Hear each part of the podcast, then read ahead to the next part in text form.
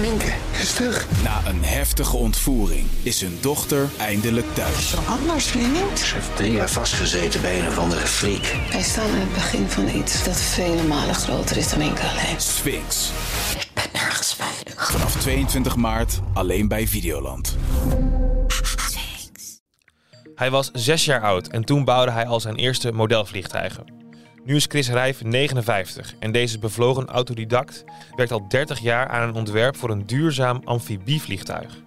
En sinds enkele weken staat zijn levenswerk nu op vliegveld Teugen. Je luistert naar Moet je horen, waarin we bijzondere verhalen van de Stentor aan je voorlezen. Met in deze aflevering de jongensdroom van Chris, een self-made vliegtuigbouwer. Er staat sinds kort een nieuwe attractie in de E-Deck hangar op vliegveld Teugen. Want daar, tussen de elektrische lesvliegtuigen van de E-Flight Academy, staat in de hoek de houten romp van de zogeheten Cormorant Seaplane. Nu nog bescheiden.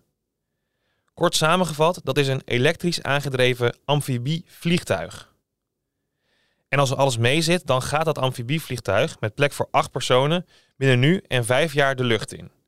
Nou, zover is het dus nog niet, maar de eerste stappen zijn gezet. En de man achter dat vliegtuig is Chris Rijf. Hij is 59 jaar oud en hij werkt al ruim 30 jaar aan het ontwerp van het vliegtuig. De laatste jaren deed hij dat vanuit een voormalige fabrieksruimte van Philips in zijn woonplaats Hilversum.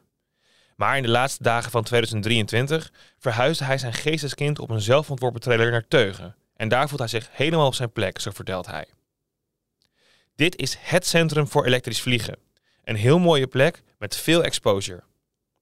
En als we terugrekenen vanaf het begin, dan heeft Rijf al 3600 uur werk in de Cormorant gestopt, zo legt hij uit. Er zitten alleen al vier maanden aan vreeswerk in. Bij Rijf is het zo dat zijn handen bouwen wat zijn hoofd bedenkt. Hij heeft geen enkele opleiding afgemaakt en hij werkte onder meer als meubelmaker en hij schold zichzelf bij via de Technische Universiteit in Delft. Rijf vertelt verder. Het stond in de sterren geschreven dat ik iets met vliegtuigen zou gaan doen. En als jochie van zes maakte ik al modellen. Dat waren gek genoeg ook al watervliegtuigen. Rijf koesterde een vurige wens om in de luchtvaart te werken, maar het kwam er niet van, zo vertelt hij. Ik ben, zoals dat zo mooi heet, mislukt op school, dus ik kwam niet in aanmerking voor een pilootopleiding en ik kon ook niet naar een universiteit. Als bijgeschoolde autodidact die zijn geld verdient als ondernemer, kwam hij in de jaren 90 op het idee om iets met een watervliegtuig te doen. Dat ging als volgt, legt hij uit. Ik ging me in die markt verdiepen. Hoe worden die vliegtuigen gebruikt en waar? Daar kwam een beeld uit naar voren dat er behoefte is aan een nieuw ontwerp. Veel zogeheten floatplanes, die nu nog vliegen, zijn ontwerpen van bijna 80 jaar oud. Maar de afzetmarkt is klein en dus zijn er bij vliegtuigbouwers weinig prikkels om nieuwe ontwikkelingen in gang te zetten. Rijf besloot om in dat gat te springen, vertelt hij. Je moet iets maken dat multifunctioneel is, dat op water kan landen. Een stil vliegtuig met plek voor acht personen, dat je ook kunt gebruiken als ambulance of vrachtvliegtuig. Daar is behoefte aan. De Cormorant, reisvliegtuig dus, die kan met een volle accu 700 kilometer afleggen. En volgens Rijf is er een afzetmarkt in eilandrijke gebieden, zoals delen van Schotland, maar ook Canada, Amerika en het Caribisch gebied.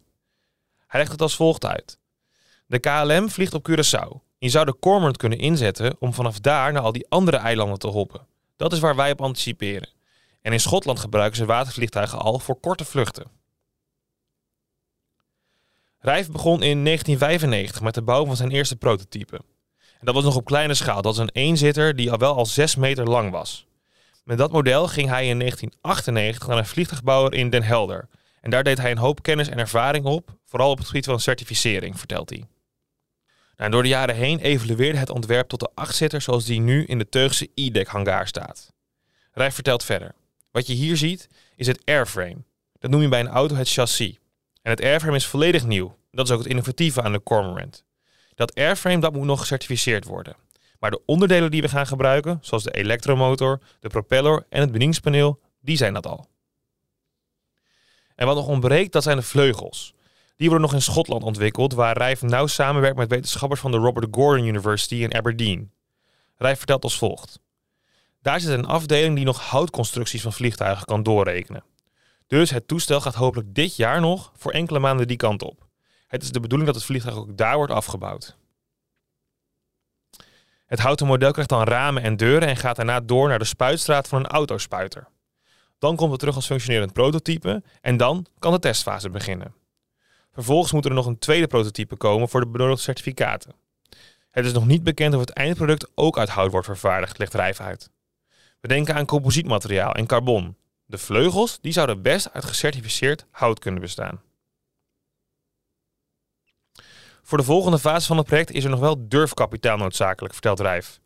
Van waar we nu staan hebben we 70 miljoen euro nodig om het vliegtuig gecertificeerd te krijgen. En daarna heb je nog eens 50 miljoen euro nodig om de productie op te starten. Een onmogelijke opgave lijkt het, voor een buitenstaander. Maar dat is het niet, denkt Rijf. En die legt het als volgt uit. Wij moeten ervoor zorgen dat er mensen zijn die in het product geloven. En die vind je niet in Nederland. Daarvoor kijk je naar Amerika of de Arabische wereld. Daar is geld zat. En als zijn levenswerk luchtwaardig is, dan zou Rijf over een jaar of zeven met pensioen kunnen gaan als geslaagd vliegtuigbouwer. En hij sluit als volgt af. Dat is een jongensdroom. Als dat lukt, dan heb ik het niet slecht gedaan. Ja, je luisterde naar de jongensdroom van Chris Rijf, maar er is nog veel meer te vertellen over dit onderwerp. Bij ons op de site of in de app, daar vind je nog veel meer informatie over amfibievoertuigen en hun geschiedenis. En Vliegveld Teugen, dat is dus de thuisbasis van de Cormorant van Rijf, daar staat het eerste laadplein voor elektrische vliegtuigen ter wereld. Ook daarover lees je meer informatie op destentor.nl. Na een heftige ontvoering is hun dochter eindelijk thuis. Anders, vriend. Ze heeft drie jaar vastgezeten bij een of andere freak. Wij staan aan het begin van iets dat vele malen groter is dan enkel alleen. Sphinx.